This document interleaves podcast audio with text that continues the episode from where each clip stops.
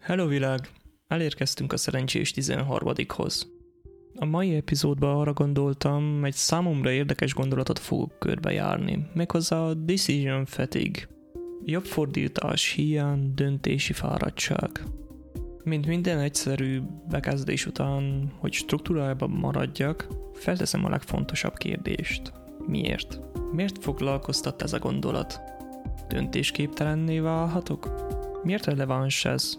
Főleg a főzulgásommal kapcsolatban. Az angolul beszélő különböző például YouTube csatornákon elég sok anyagot fel lehet fedezni. Talán még túl sokat is. Véleményem szerint viszont csak arról van szó, hogy csak annyi mentális kapacitás beleülni olyan nem lényeges dolgokba, amennyit nem megerőltető. Ilyen gyakorlat lehet a ruházkodás, annak egyszerűségével, vagy esetleg összes bonyodalmával.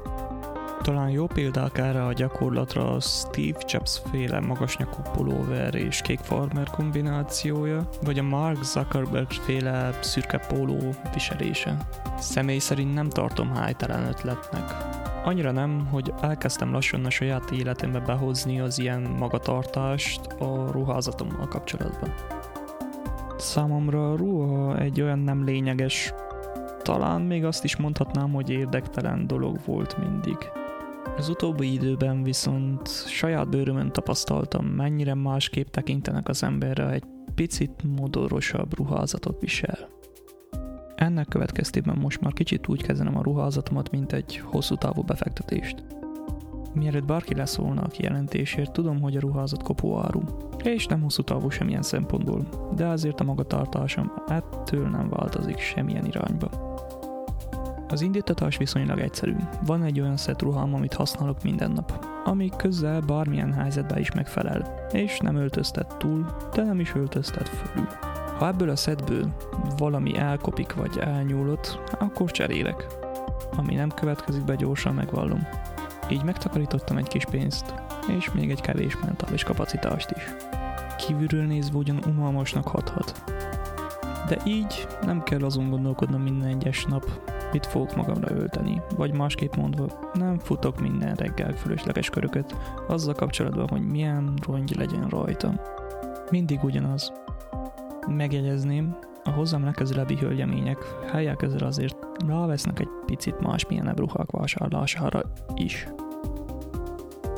Ez sem egy egetrengető ötlet. De az évek alatt, amióta így gondolkodom a ruhákkal kapcsolatban, a fűzúgásom legalább nem erősödik, ha ruháról van szó. Ezzel egyértelműen kizártam a reggelemből egy döntést. Így egyel több marad későbbre. Mivel automatizálva van a döntés, ezért a döntésképtelenség meg ezzel kapcsolatban ki van zárva. A főzugásom meg velem marad. Nem azért, mert ragaszkodom hozzá, hanem mert ő ragaszkodik hozzám. Szóval, ha ugyanilyen kis, egyszerű kis semmiséggel is, de legalább nem adok okot rá neki, hogy fölöslegesen hangoskodjon nekem. Ennek az epizódnak lassan a végére érek, de még mielőtt elbúcsúznék, összegzésként ennyit. Sokszor a figyelmünk olyan dolgokról vonódik el, amik hosszú távon nem lényegesek, csak pillanatnyiak. Az ilyeneknek ne adjuk az osztatlan, értékes figyelmünket. Nem éri meg. Mára ennyi. Köszönöm, hogy meghallgattál. Az angolul beszélőknek meg uh, hagyok egy linket a show notes-ba. Mielőtt meg elfelejteném, jövő héten jelentkezem újra.